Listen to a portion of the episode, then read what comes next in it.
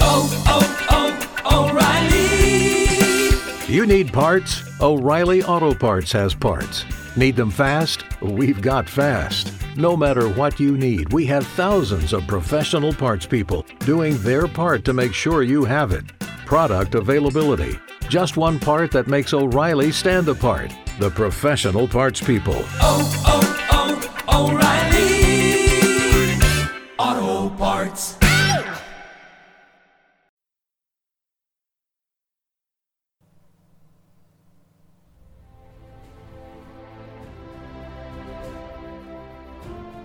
This is the Fighting Through quadcast.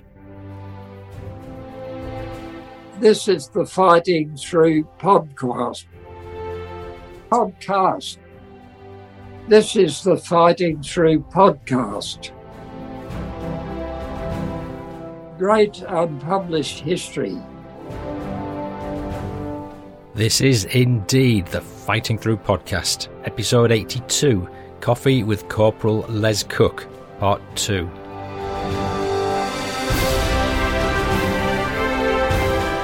More great unpublished history.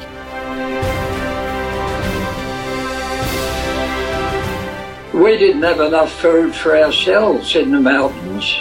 We only had the food we could carry.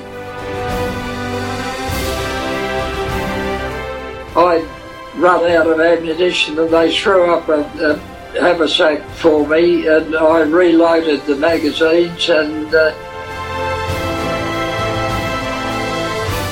so I'd, I'd always thought I should uh, should try and get them back. I, I shouldn't keep them as souvenirs. I had an obligation to get them back to the family. Hello again, and another exciting World War II welcome to the Fighting Through Second World War podcast. That was our beloved Les introducing the show in his inimitable fashion, following his coaching course on the previous episode. And thanks, Les, for being such a good sport in allowing me to pick that up off the cutting room floor. I'm Paul Cheall, son of Bill Cheall, whose World War II memoirs have been published by Pen and Sword in Fighting Through from Dunkirk to Hamburg. The aim of this podcast is to give you the stories behind the story and much more. You'll hear memoirs and interviews with veterans in all the countries and all the forces. I dare you to listen. Just a quick bit of feedback I've had from Tony Trobe, Les's son-in-law. He says Anzac Day went well, with Les leading the march at the National War Memorial here in Canberra, still able to walk up a hill. It's quite a big deal, with the government general and senior politicians attending. The media all seem to want to have a piece of him, including his granddaughter Sophie, who works for one of the major commercial TV channels. I'll tell you what, I think we've probably had more of Les than all the TV channels put together, so how good is that?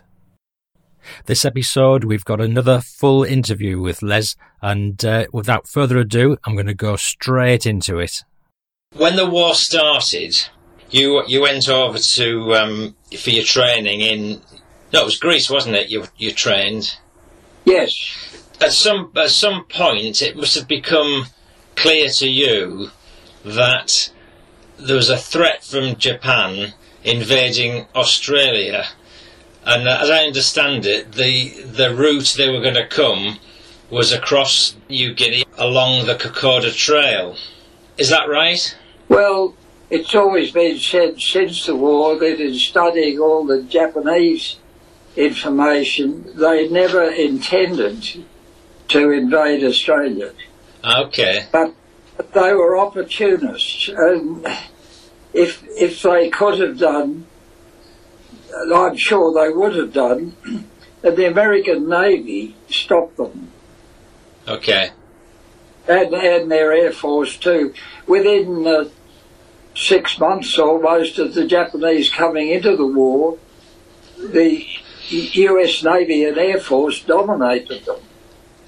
The uh, Battle of Midway in, in the island in the middle of the Pacific, they sunk all the uh, all the Japanese aircraft carriers Yeah. in uh, in the middle of 1942. 4th to the 7th of June 1942. and the Japanese couldn't have gone anywhere after then. Britain was stopping them in uh, Burma and India, and uh, the Yamamoto, the Japanese admiral, he had warned the Japanese government if they didn't defeat the Americans completely at Pearl Harbor, uh, the American factories would produce a lot more than the Japanese could, and the Japanese would lose.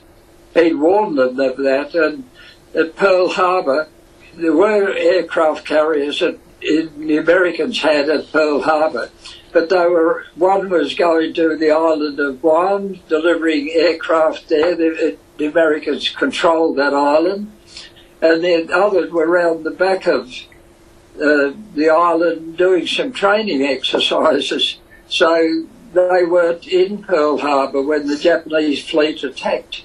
Okay. So they survived, and uh, the Battle of Midway, the Americans sunk their carriers. Borneo was uh, the Americans had gone back to the Philippines before then.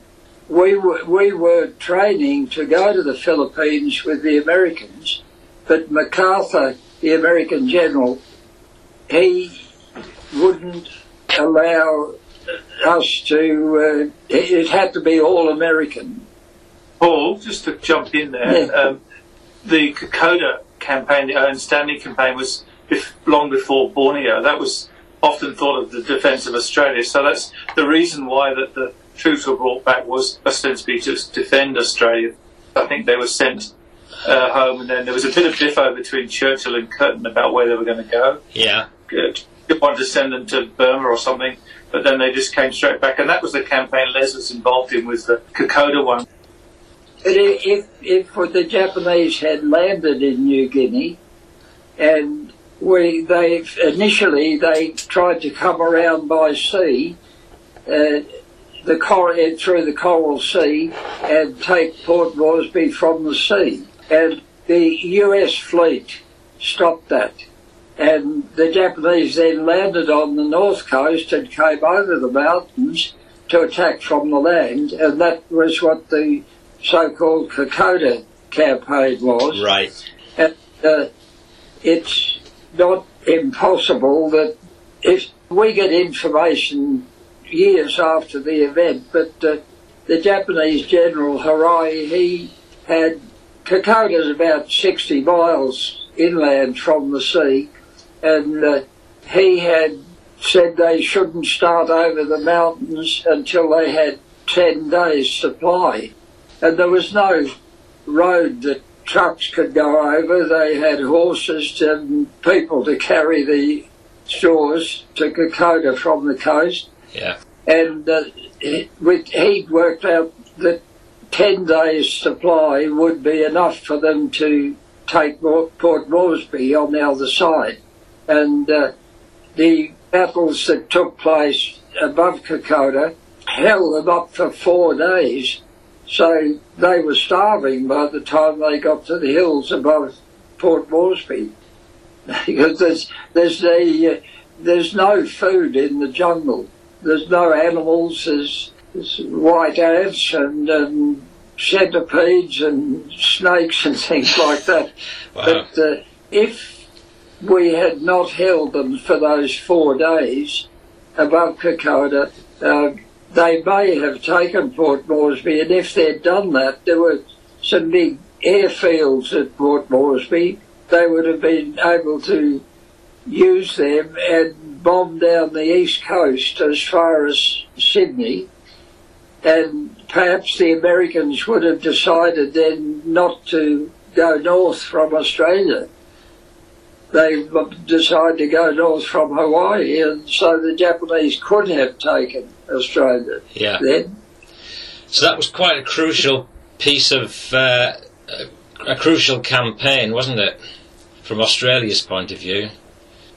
Well, yes, it was that the the Americans were on uh, Guadalcanal, the island, and uh, we'd retreated to the uh, mountains about 30 miles from Port Moresby, it was. We'd retreated to there because they outnumbered us 10 to 1. Wow. And uh, tho- those original Japanese were very well trained. They're people who'd fought in China and fought in other places. They were highly trained and very aggressive.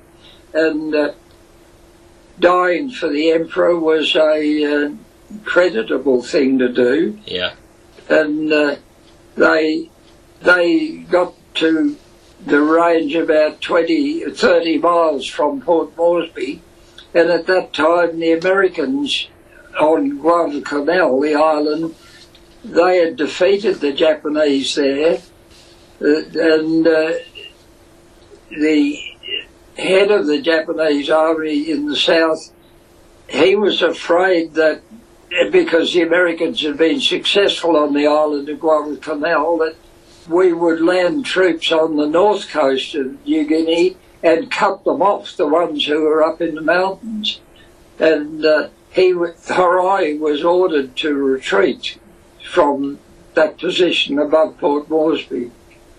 Yeah. Horii, wa- he was drowned a bit later on uh, when they were escaping. What were the sorts of actions that you were involved in in the campaign?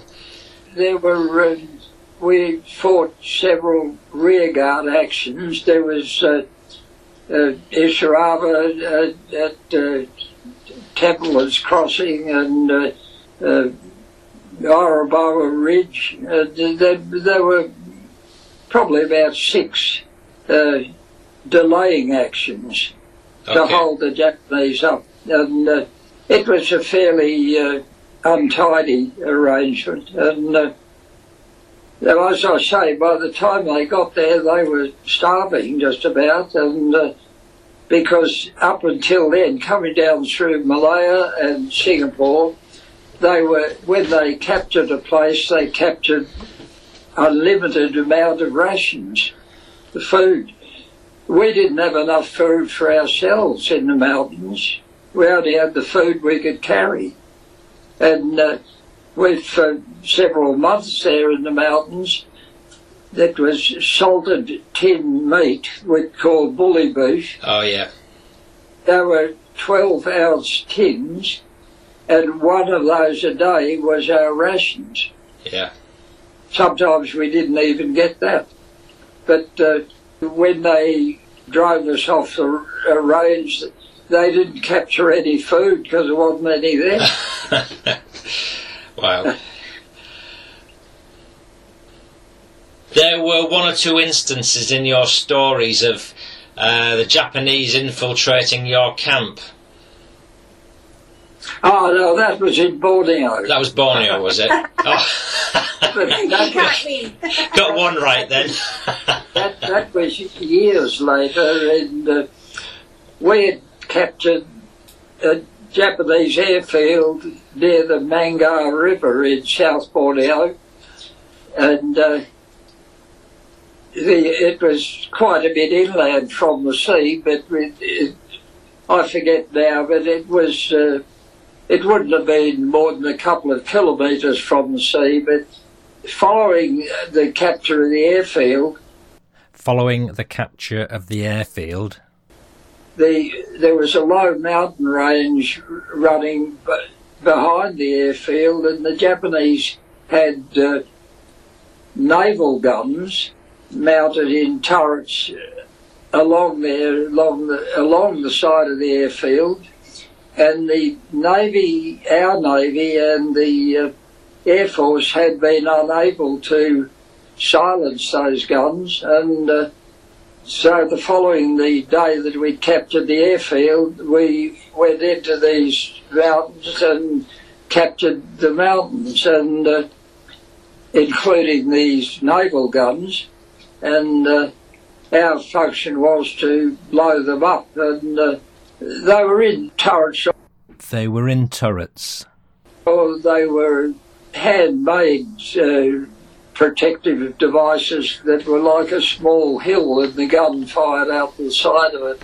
And uh, when we first got up there, I was a, a Bren gunner at the time, and uh, we were just put in. I, I was behind a log. We didn't have time to uh, dig holes or prepare a defence line, and the uh, night came along, and uh, we we hadn't. The, things had quietened down, but the night came along and it started to rain, and uh, these Japanese then set out to infiltrate us because, of course, they knew every inch of the land because they'd probably lived there for years, Yeah. and uh, they there was there was a position I just on my over my right shoulder was where the turret rose to uh,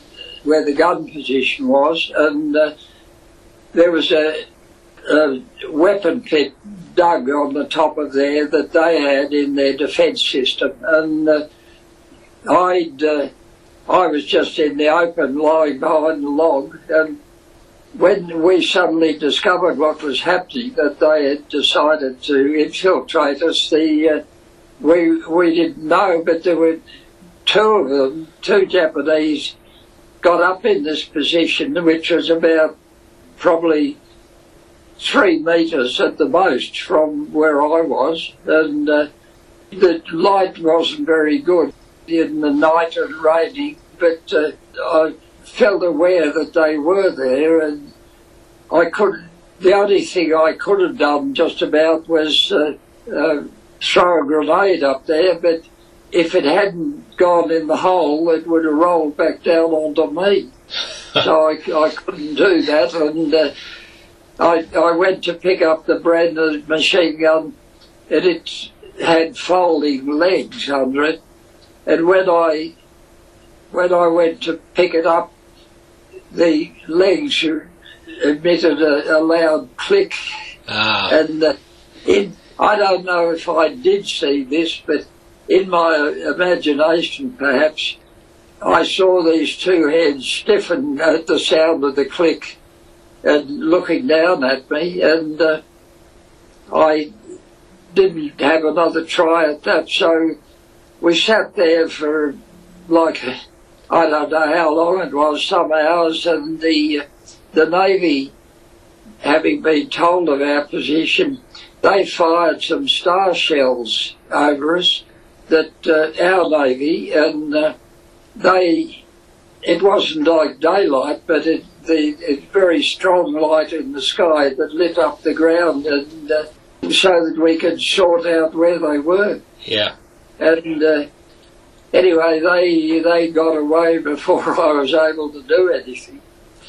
I wonder if uh, your gun clicking actually spooked them and made them realise that somebody was like, you know, stalking them and actually did it. we, well, it was the only way that they would have known that I was there because I hadn't been firing because we weren't under attack. Yeah. They, they just uh, sort of got in amongst us, and if if we if it hadn't been for the uh, uh, navy firing these star shells, we wouldn't have known what was happening.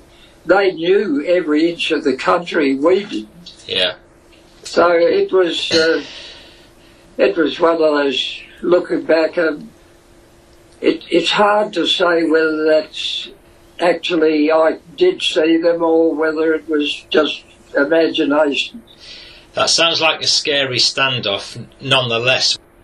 because there wasn't anything I could do. They were they were just looking down on me. Yeah. Um, but I suppose uh, looking down, you wouldn't see as much as looking up with the sky at the back. Yeah, yeah. And uh, no, it, it was uh, it was a long period of uh, tension because if we'd been attacked from the front and I'd started firing, well, I wouldn't have lasted two minutes, Yeah. would I? Yeah. Later on that night, there was some fighting around, and uh, I'd run out of ammunition, and they threw up a, a haversack of, of uh, ammunition for me, and I reloaded the magazines. And uh, when I opened up, it was tracer ammunition, but uh, I don't know why they had tracer ammunition. Every time I fired, everybody could see where the firing was coming from. and that was embarrassing. God. Can I move on to another subject? Because I'd like to ask you about souvenirs from your war. Is there any particular souvenir that's a big standout? I've given you a big clue there, but Deb, Deb will uh, no doubt nudge you. The, the machete?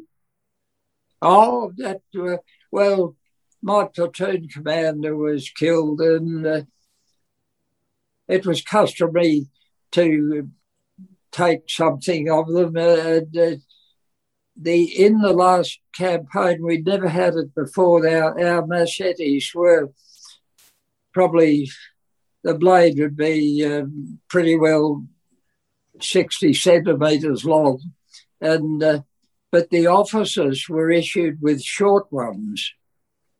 That where the blade would be about um, 250 millimeters long. 10, that's 10 inch, isn't it?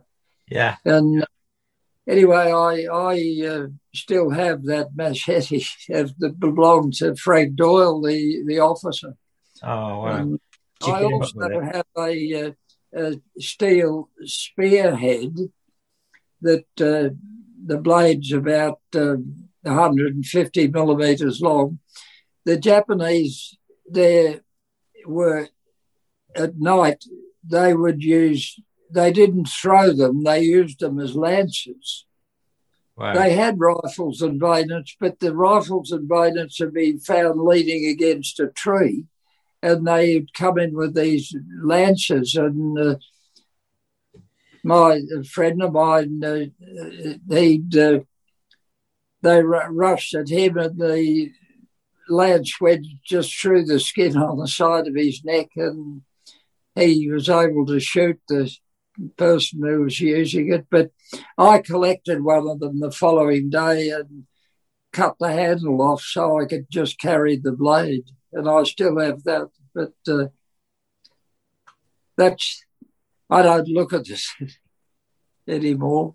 And uh, I, I have had a, uh, I picked up a lot of bits of paper. I've got, uh, Japanese. Uh, oh, got quite a lot of uh, Italian uh, badges from the North African campaign in the first two months of 1941. Just, just they they were quite ornate. Their their uh, regimental badges. Yeah. And I've got a handful of them, or twenty or something. Um, just this might, as in souvenirs, or souvenirs probably isn't the right word, but it might lead into the story of the Japanese doll, which which started with you finding a flag and the diary. Oh, when when when we broke through at Gona on the eighth of December, nineteen forty-two, uh, that uh, we. Uh, we had to bury the dead, and uh, uh, our dead and theirs. And uh, it was customary then, as I, if you have those words, it was customary to uh, collect any documents and things of interest so the intelligence people could go through them and get information from them. But one of the people that I was buried with another man. We uh, I got a, a, diary, a small diary, and the Japanese flag. That early lot of Japanese soldiers, a lot of them carried this flag. It was uh, about 60 centimeters square and of white silk and uh, with the Japanese red emblem in the center. And uh, there were, we were told, uh, I can't read Japanese, we were told that there were good luck charms and things that friends and neighbours had written around on the white silk.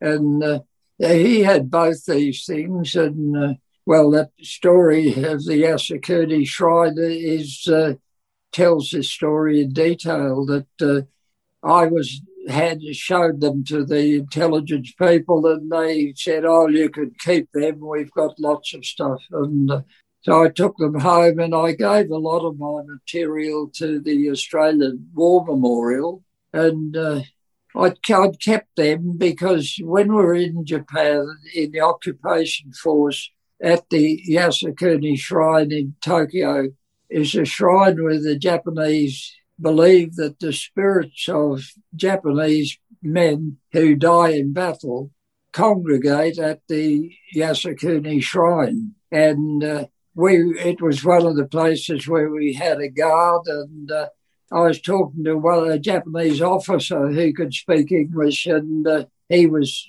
a member of the staff at the shrine and uh, I told him the story and, and he explained to me then the importance the Japanese people place on their Remembrance Day once a year that they uh, to have something in their hands that was with the person when they died. So I'd, I'd always thought I should uh, should try and get them back. I, I shouldn't keep them as souvenirs. I had an obligation to get them back to the family. Yeah. And, uh, that would have been in 1946. And uh, I think it had been uh, probably nearly 20 years later that I was able to get them back to the family. And we we met the uh, the man's sister was the only one alive, and uh, we we were going to uh, Britain and. Uh, we went via Japan so we could see them, and uh, my wife had uh, crocheted a, a, a white woolen shawl for the man's sister, and but we didn't see her, and it was uh, from the letters that I had from her daughter-in-law. The uh, they they thought it was marvelous that we looked after them. Firstly, that we buried them because the people in Japan thought that we, you don't bother burying the enemy; you bury your own. And uh, certainly the Japanese didn't bury our dead. So they thought it was uh, very noble of us to bury the dead. Yeah. And uh, not such dishonorable people after all, then, eh? The Japanese used to regard us as some, being somewhat dishonorable, didn't they? Oh yes, so the Japanese they, they they had a very high code of honor. It was better to uh, to kill yourself than to surrender yeah. in war. And uh, they did. It, uh, they were cruel, but they were still highly. Highly honourable. Um, maybe you might like to just mention about the doll, how uh, after you'd met with. Oh, yeah. Well, uh, with them in Japan, how? Yeah, well, we had gone after we'd left Japan. We we'd spent uh, a few hours with the family, part of the family, one night, and uh, we went on to Britain. It was three months later, I think, when we got home, and uh, the uh, there was this doll that they had sent us as a, uh, a thank you for the uh, for returning these articles no, the, the family was very impressed. Not only the family, it was a, a, a fact known over Japan. People knew that we were there for that reason. It was there were articles in the newspaper. There are newspaper articles, yes. Yeah.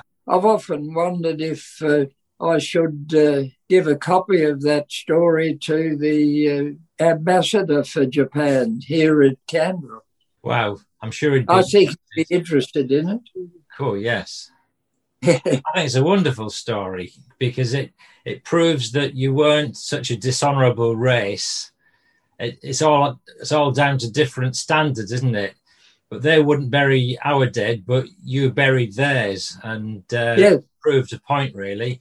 And but the it's such a poignant outcome that they that they were touched so much by your gesture that they then sent you the doll. I didn't see it as an unusual thing to do. I saw it as the proper thing to do. That it would have been wrong of me to keep them as souvenirs. Yeah, absolutely. Yeah. Oh, well, that's lovely.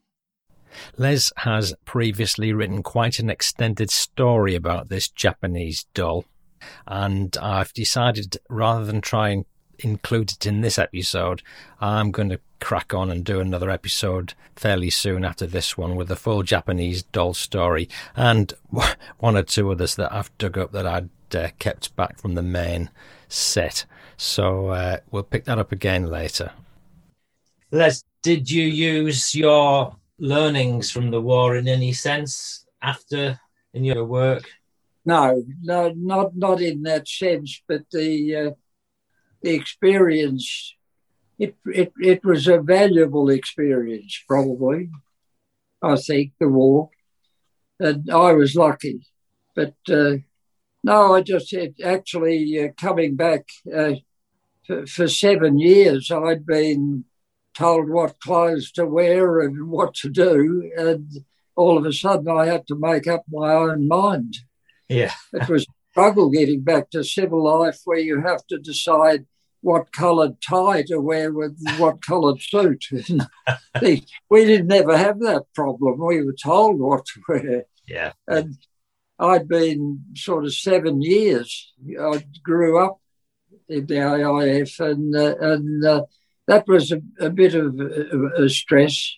That uh, we life went back to normal. That the uh, at, a, at an Anzac Day meeting once years later, we're being interviewed by a journalist, and the journalist said to me, How do you want Australia to remember you? And I said, Why would Australia remember me? And asked the next man, and he said, I want to be remembered as somebody who saved Australia. I couldn't have answered that right. Yeah, it's funny, but ah, funnily enough, you've you'll be remembered, um, obviously by your family, but certainly by me and everybody who listens to this podcast or reads the website and sees all your memoirs. Um, you know, you, you're gonna you're gonna last forever, really. When I do these podcast episodes, I sometimes joke and and pretend that the person who's listening to it is listening to it in the year in a hundred years' time. And I truly believe that my podcast, you know, long after I'm dead and gone, there will be still people dipping into my podcast. And I, when I leave this earth, I want to try and Yeah, make sure that the records are there, that you know people will have access to them. So, you know, you'll in that spirit. If I if I succeed in that, then uh, you'll be part of that. Well, my my dad was three years in the first war. He was, of course, I had my second birthday on the boat coming out to Australia from England, and uh, Dad was with the Loyal North Lancashire Regiment and uh, serving in the Middle East for three years, and uh, he so he knew what war was.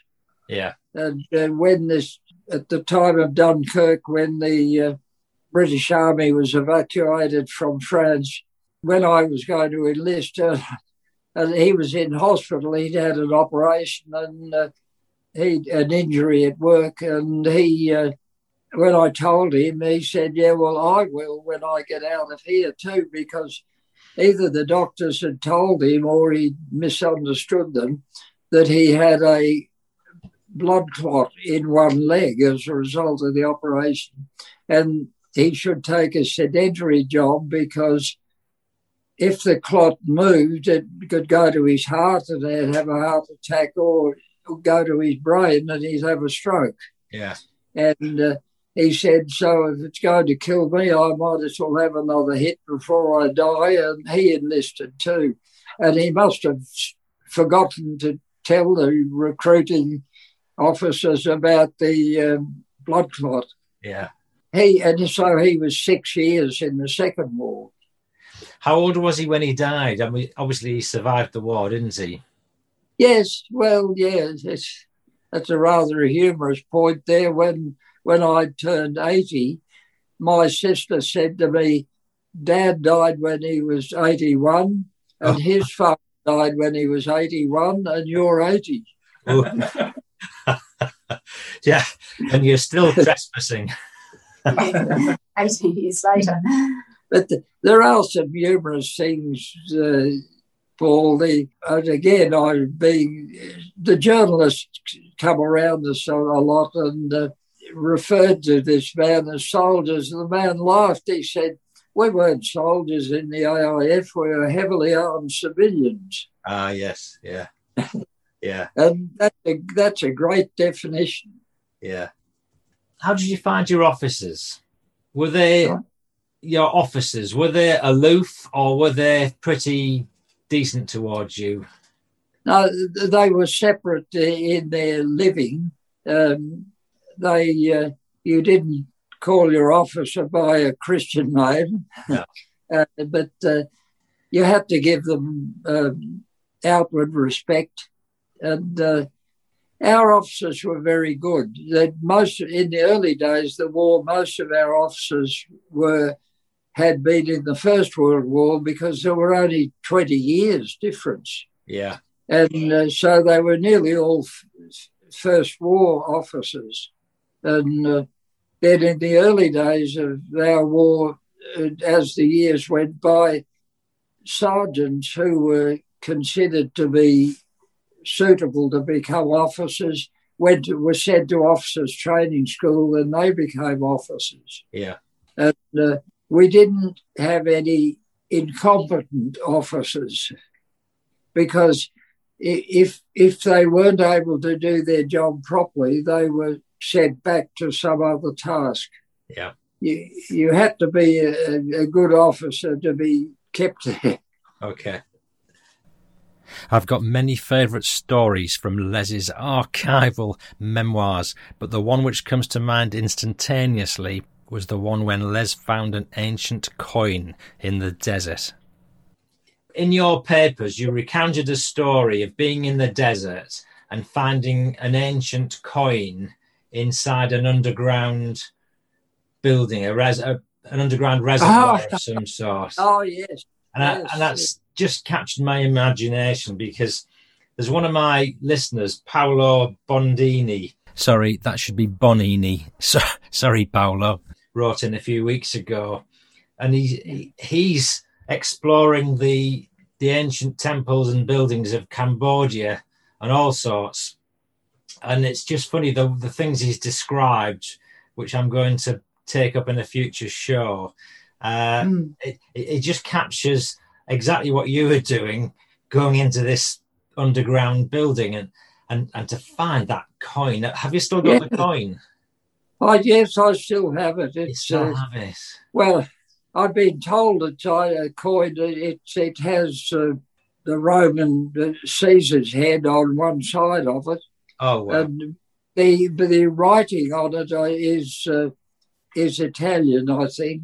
And uh, I've never bothered. One of our daughters did take it to a, a coin expert, and he told her what it was. And uh, but that intrigued me that it's about halfway between Bardia and Tobruk in North Africa, that uh, it had been an ancient city. yeah And uh, I don't know what the city was. that was my next question did you ever find out where it was because you you expressed doubt as to where it was at the time or, or after the war you couldn't remember where it was but you said if you were if you were standing on a hilltop looking down on it you would recognize it Yes, I would. I would certainly would recognise it if there's there's a uh, a, cliff face type of thing that the uh, uh, it's about thirty miles inland and uh, it runs more or less parallel with the coast with the coast at, at that point and uh, the ruins of the city you can see that where the streets were and the how and the buildings, and they're not worn down to the sand. I don't think their roofs have just gone and the sand has filled them up. Yeah. And it, it must be well known to anybody who flies those. Yeah. I'll make sure Paolo gets all these details that you have got, and we'll we'll set him on the scent.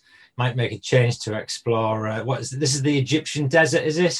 Oh, the sort of the North African desert. It had, it had been in, in Libya in days. Yeah. That, uh, because the uh, border was uh, was at the top of Hellfire Pass, at, uh, behind the town of Saloum, the border between Libya and Egypt. Yeah. It's just to think that coin you found, unless somebody in modern times had dropped it, that means it was probably there, laying there for two thousand years. Yes, Wow. but that that's a very long time ago. You can hear the full story of that coin discovery in episode 67. But just recently, it's 80 years ago that the uh, Greece campaign, 1941. So eight, 80 years. It's it's funny thing, Paul, that when I sat down writing the stories, things that had been not even apparent in my mind came back to me. And I, writing is a lot easier than talking. You seem to be well equipped to do both, if you don't mind me saying. I mean that in the most complimentary fashion.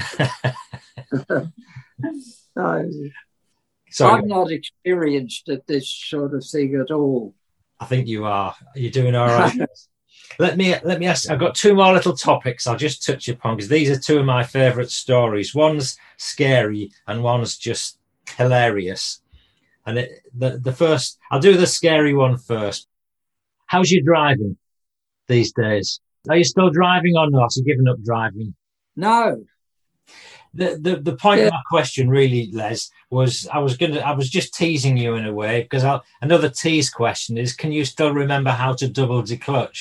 the first car I had, it was a 1935 Hudson Terraplane, a, a, an American car, Right. and it uh, had a crash gearbox. There was no synchro mesh on the gearbox. The brakes were cable brakes, they weren't hydraulic. And uh, Wow. I had taught my wife to drive in that car, Yeah. and uh, she was able to do the double declutching and stuff. That uh, it was quite a novelty to get a car that had synchro mesh gears. What What about driving a, a lorry or, a, or an army truck uh, with full of troops in the back? I I did that once in Greece, but I know uh, you did. I, I, I don't know about driving it, but uh, no, I, I didn't. Uh, after Crete, they because a lot of the German paratroops had motorcycles, small ones, and uh, we all had to learn how to ride a motorcycle after that, in case we came up against it again. Oh wow. Well, I've, I've recounted your story about double declutching the lorry gears going down the hill to try and slow Yes. it down before you. Oh, that was in Greece. Yes, yes. So they'll, Well, they'll know all about the- that. the the officer turned uh, an officer turned the truck around for me. Yeah. And there would have been twenty men in the back of it. Yeah. In those days, very few people in Australia had a car, and uh, so very few of us were able to drive. But I'd had a uh, a a friend in the transport section who showed me how to change gears, and. Uh, well, he he, he, he said, uh, "Is that, can anybody drive?" And yeah. and I said, "Well, I'd had this training in changing gears and stuff, but that was all. I'd never driven a vehicle, and uh, it was either that or the truck and the people could be left behind." Wow. So uh, I know he bloke alongside me, he he was about to open the door and jump out. You didn't really get the full story from Les there, but we, we got the idea. But um, would you like to hear the full story now? It's only a short one. Yeah, you would? Oh, go on then. Twist my arm. Here goes. Thank you, Paul. You do treat us, don't you? right, this is just um, an extract from the story. You got the gist of it from Les. This is called Learning to Drive, March 41, during the retreat from Greece. Overwhelmed by the German numbers, superior firepower, and absolute air superiority, we started the retreat that was to end with the evacuation of Greece. Detached from my own unit, I fell in with a miscellaneous collection of Australians under the command of a captain. We were transported in trucks, if trucks could be made available. If not, we were marched carrying all our gear, hoping always that we'd meet up with trucks somewhere along the way. The major vehicle fleet was controlled by the transport companies, and there's no doubt that they responded to requests as well as they were able, but the number of trucks was small. The requests were many, and the drivers soon became exhausted from lack of sleep. Continuous enemy air attacks made the roads virtually unusable during daylight, except when there was low cloud, so most of the driving was done at night. I don't know how it happened, but when we started to board the trucks, it was found that we were short of one driver. It was almost dark and vital that we leave at once. The captain, who was going to drive one of the trucks himself, asked if there was anyone among us who could drive. There was silence. I said that if nobody else was more able than me, I was prepared to give it a go if the others were willing to take the risk. Again, there was silence. The truck was facing the wrong way on a narrow road with a very long drop onto the trees below on one side and a cliff on the other. The road was about as wide as one and a half times the length of the truck, and I wasn't prepared to turn it around in that limited space with a frightening drop at the edge. The captain turned the truck around, set the handbrake, and left the motor idling. We all got in, and the convoy set off, with the truck I was driving in the middle of the convoy. The gears didn't have synchromesh, so it was necessary to double declutch when changing gears, particularly when changing down. Brakes weren't nearly as efficient then as they are now, so it was essential to have the truck in low gear when descending a steep hill. If the steepness of the hill increased, of course, it was necessary to select a lower gear to control the speed of the vehicle. Driving in convoy at night without lights is in itself a nerve wracking business. To be an inexperienced driver as I was, it was even more traumatic. Fortunately, we weren't travelling at much more than walking speed on this narrow mountain road, but it was necessary to keep the truck in front in sight without being so close as to run into it. Our only indicator that we were still together and on the right road was the dim vision of that truck in front. The truck windscreens were in two pieces, with a dividing pillar in the centre. It had become common practice to smash the glass on the passenger side, and for the passenger to have a Bren gun with its legs standing on the bonnet to discourage any unauthorised vehicles from joining the convoy. Such is the paranoia of war, particularly in a retreating army, that it was a somewhat hazardous business for an honest Greek farmer going about his lawful occasions to try to break into the military convoy at night, or for that matter even in daylight. After coming down off the worst of the mountains, the road was straighter. The moon had come out, and we'd increased speed a little, and I was starting to feel quite confident in my ability. We were on a long downhill run approaching a small village when the slope of the road suddenly increased and the truck started to get away from me. There was a sharp turn in the road just before it entered the village, and it was apparent even to my inexperienced eye that unless I could slow the truck down, we were not going to be able to take that turn.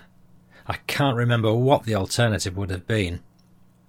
With all my weight on the brake pedal and concentrating on holding the vehicle on a straight course with my right hand, I declutched and fumbled in the dark for the gear lever to change to a lower gear.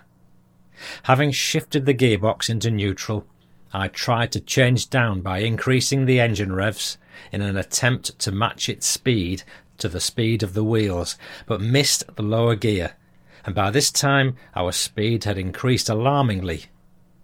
The man alongside me in the passenger seat oh, oh, opened the door preparatory to jumping from the truck before it was too late. While this reaction undoubtedly was a natural and understandable response to our situation, I can remember that his obvious lack of faith did little to boost my waning confidence. Indeed, I felt that he was about to desert me in my time of need. I don't know how I did it, but somehow I managed to find the lower gear in time to slow the vehicle before we reached the corner. Fortunately, for the peace of mind of those in the back of the truck, they couldn't see what was happening because of the canopy and were unaware of how close they'd come to disaster. From that being scary but also funny, um, I'll ask you one final question that oh, it's not a question, an observation. One of my favourite stories was about, I think uh, you said in some of your stories that the Japanese loved to make a lot of noise before they attacked. And there was one incident where they were all revving up for an attack Yeah, Go on, well, you, you take over. this was the early Japanese. Yeah. The first Japanese we struck were much uh, more determined, and, and uh, they subsequently they were all brave men. They were all prepared to die, but uh, they were they- they'd been at war for years. That first crowd we struck, but they were noisy. They like blowing whistles and yelling out and stuff. I think in the First World War, people used to make uh, um, shouting when they were in attack on both sides, I, I believe. This particular story I was thinking about was when they were doing this, and you were all waiting patiently for them to attack, and they carried on making their noise, and some wag at the back of the at the back of your ranks shouted, um, "Come on, use lot! If you're going to attack, then get on with it." and the Japanese shut up because they didn't understand it. And everybody laughed, and it gave you all a good lift at a time when morale was a bit low. Yeah, I vaguely remember that, but we uh, had some good humourists with us. But, uh, Again, I'm going to give you an extract from this story um, where Les is saying, We had successfully repelled several attacks in the pouring rain on the first night, but our future was starting to look a bit doubtful. We were surrounded and outnumbered. Our ammunition was running low, and we couldn't withstand another really determined attack. Time was running out for us. It must have been about two or three o'clock in the morning when they were forming up again and carrying on with their shouting preparatory to attacking that we heard an Australian voice call. If you's gonna have a go, don't stand there all night talking about it. this unexpected call from our side obviously threw the enemy into some confusion. They immediately lapsed into silence, apparently trying to work out the significance to them of this one strange cry. I never found out who was responsible. Perhaps the man himself didn't survive the night. Looking back on it now, however, the very homeliness of the expression and its rough delivery was a morale booster for us at the time when we could certainly do with one. Such men are worth their weight in gold in times of stress. Ah, thank you, Les. Uh, Paul, could I jump in? I think the General MacArthur story is one worth just a little amusing one. Yeah, Les, go on then. Your beach landing, Les, at Abbott. Tell that story, yeah. Well, uh, the day we landed at Balikpapan, uh, we'd been ashore for a few hours and we were waiting for one of the other battalions to take a feature on our left side uh, to allow us to move forward. And uh, MacArthur came ashore and uh, he had an entourage of people with him and photographers and stuff. And he didn't speak to anybody, he just walked through. He just walked through and straight past us all. We were under bit of machine gun fire, but from a long distance, and the bullets were a long way apart. And uh, he uh, he walked up onto the hill and, and had his field glasses, and he was looking, standing on the hill, looking through the field glasses, and the jungle rose up in front of him like a solid wall, and uh, he uh, he stood there while the photographers were taking his pictures, and uh, our brigadier Ivan Dougherty, he was uh, he was trying to get him off the mountain. He was trying to get him off the mountain.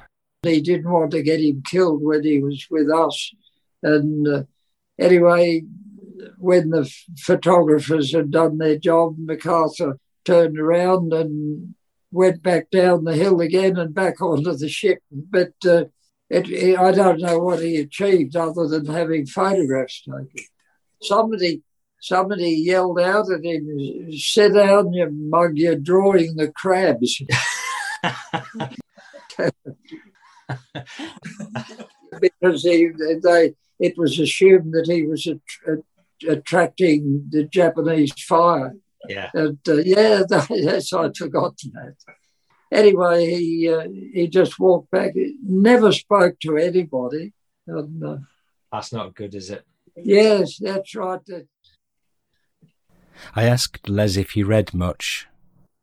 Kipling uh, Kipling was quite a uh, intellectual individual. That uh, he says I, these aren't his actual words, but he says when all the men who do great deeds have done them, and all the people who write about those great deeds will have written about them.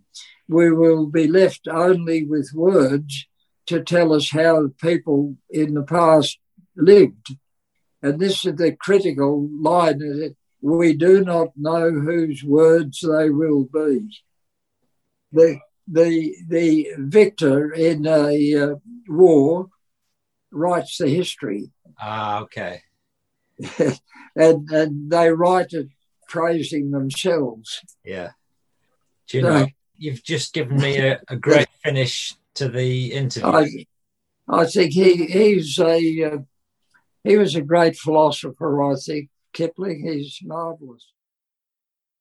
Well, Les, uh, uh, I'm clean out of questions now, um, so I'm going to draw it to a close and just say thank you for your service because you've done done us proud. So anyway, well done, Les, and thank you very much. And thank you, Tony well, and Deb. Much appreciate it. Really, really brilliant.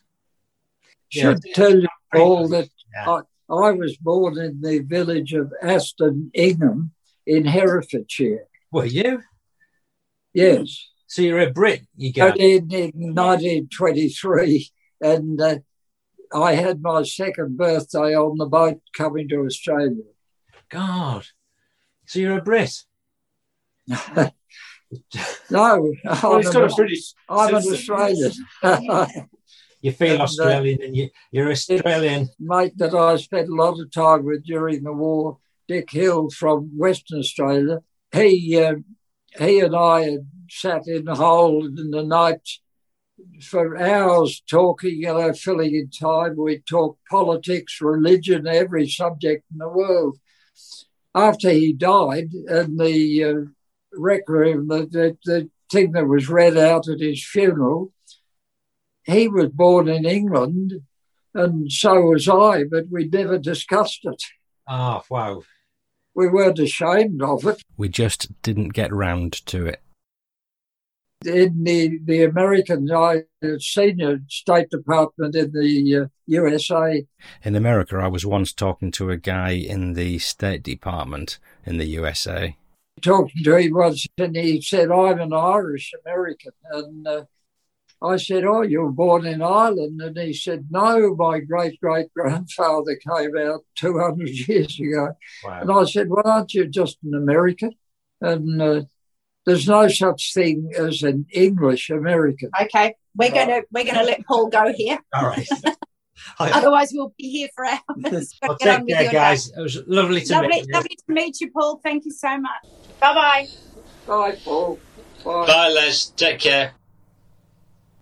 Les, this episode is far from finished. I've got some PSs coming up, but I want to pause to thank you so much for your service during the war and well beyond, indeed, the rest of your life. Your memoirs were unique and priceless, and you certainly must have worked hard in pulling them together.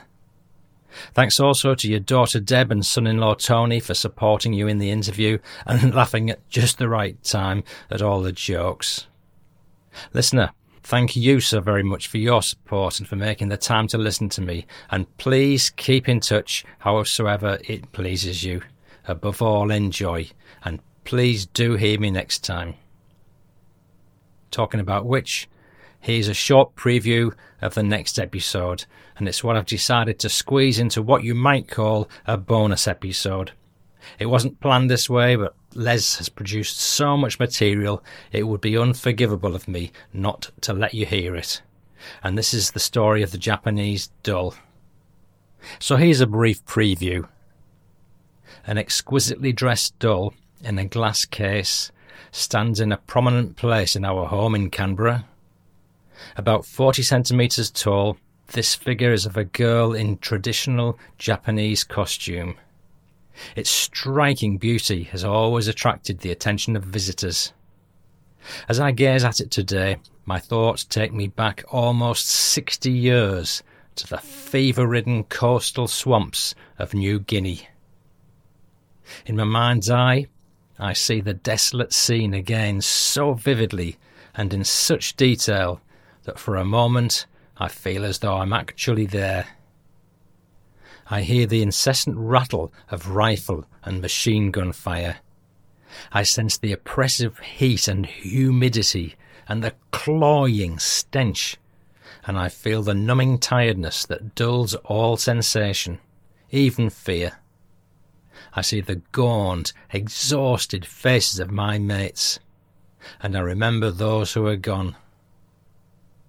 With the sentimentality that comes when we grow old to those who've lived through desperate battles, I'm saddened by the awful human cost of war. You'll hear the full story of the Japanese doll next episode. I've got two PSs coming up for you now. Firstly, I've got a bit more poetry for you. Not poetry written by Les, but a particular rhyme that he took a shine to. But I'll warn you now, it's quite spooky, and not for the faint hearted. And we've got Les's spoken commentary on the meaning of it. As usual, I've got one or two extra tales to tell, and there's one about Curly O'Grady and his charitable contributions. Here we go. So here's another Les Cook story, a poem that missed his first season of Tales from the Far East. I think it's about the schizophrenia that can kick in when you're all alone in the wilderness of the Aussie outback. It's called There's Only Two of Us Here. So, listener, get cosy in an armchair with a coffee or a calvados and try to find someone whose hand you can hold, because this is a bit spooky. I camped one night in an empty hut by the side of a lonely hill. I didn't go much on empty huts, but the night was awful chill. So I boiled me billy and had me tea and seen that the door was shut. And I went to bed in an empty bunk by the side of the old slab hut. It must have been about twelve o'clock. I was feeling cosy and warm. When at the foot of the bunk I see a horrible, ghostly form. It seemed in shape to be half an ape, with a head like a chimpanzee. But what the hell was it doing there? And what did it want with me? You may say, if you please, that I had DTs, or call me a crimson liar, but I wish you'd seen it as plain as me, with its eyes like coals of fire. It gave a moan and a horrible groan that curdled me blood with fear. And there's only two of us here, it said. There's only two of us here. I had one eye on the old hut door and one on the awful brute. I only wanted to dress myself and get to the door and scoot.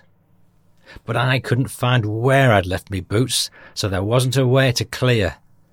And there's only two of us here, it said. There's only two of us here. I hadn't a thing to defend myself, not even a stick or stone. And there's only two of us here, it said, again, with a horrible moan. I thought I'd better make some reply, though I reckoned me end was near. By the holy smoke, when I find me boots, there'll be only one of us here. Then I got me hands on me number tens, and out through the door I scoots, and I lit the whole of the hillsides up with the sparks from me blucher boots. I haven't slept in a hut since then, and I tremble and shake with fear when I think of that horrible brute that moaned, There's only two of us here. I've done a bit of digging and I discovered that Edward Harrington wrote that poem. And according to Wikipedia, he died in 1966 and was generally referred to as the last of the Bush balladists. And I understand that free use can be made of this poem, uh, but not for, for profit causes, so I think I'm okay there. I reckon the guy had a mirror at the bottom of his bed, so when he saw the chimpanzee in the low light, he was looking at himself, unless you listener know better. But as a final note on the subject, here's what Les had to say about the poem. You, you had a poem about something like only the two of us. Uh, there's only two of us here. I camped one night in an empty hut on the side of an old hill. And I didn't go much on empty huts, but the night was awful chill. So I boiled my billy and had my tea and saw that the door was shut. And I went to bed in an empty bunk by the side of the old slab hut. It must have been about 12 o'clock. I was feeling cosy and warm when at the foot of the bunk I saw a horrible ghostly form. It seemed in shape like half an ape with a head like a chimpanzee. But I wondered what it was doing there and what the hell did it want with me. Anyway, this, this strange thing at the end of the bed says, there's only two of us here. It said, there's only two of us here. And through the poem later on, he said he couldn't find his boots to get out and run away. He said if I could get hold of my blucher boots, there'd be only one of us here. and the poem ends up then with uh, uh, he'd never ever get in sleep in an empty hut ever again. It's an Australian poem, and I do know the words. The question I wanted to ask you about it was what what does it mean? I mean, obviously it's some you somebody having a nightmare in bed, but what? It, it's it's uh, it doesn't mean anything. It's just a story. Okay. It's uh, a, a lot of poems don't have meanings, and uh, he he uh, as I say he. I he had a thing to defend myself, not even a stick or a stone. There's only two of us here, it said again with a horrible moan. And it goes through like that. But at the end of it, he's, he says, I'll never ever sleep in a hut again.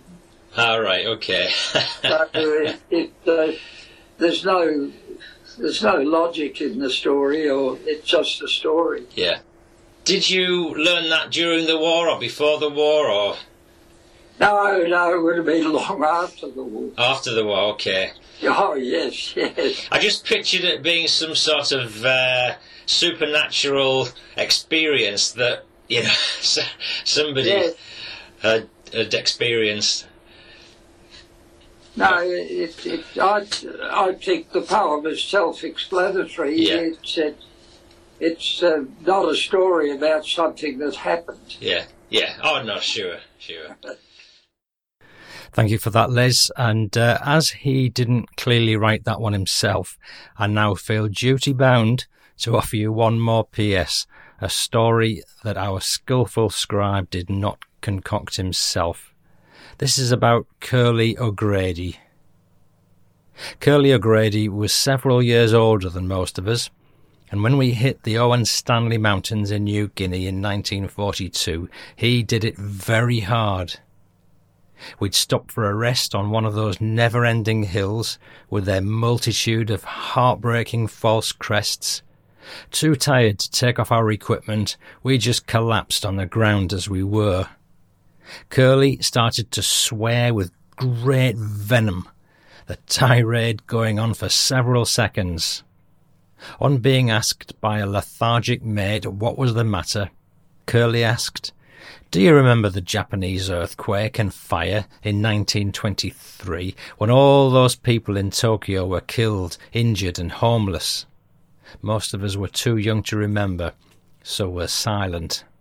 Curly went on, Someone came around where I was working, asking for donations of money to help them out, and I gave them ten bob. Now look what the bloomin' so-and-sos have done to me. oh dear. Right, another PS. Um, warships and gun crews. Most of the troop ships I was on had been freighters. Unlike the American ships that were especially outfitted for carrying troops, we slept in hammocks on the British ships. Steel hooks were fixed on the ceilings of the cargo holds. The mess tables were bolted to the floors. When it was time to go to bed, the hammocks were slung on the hooks above the mess tables, and when we awoke, they were rolled and packed in racks along the bulkhead. Contrary to a normal convoy, where the same escorting warships stayed with the convoy throughout the voyage, additional warships joined this convoy from time to time and sailed with it for a few days and just as suddenly disappeared.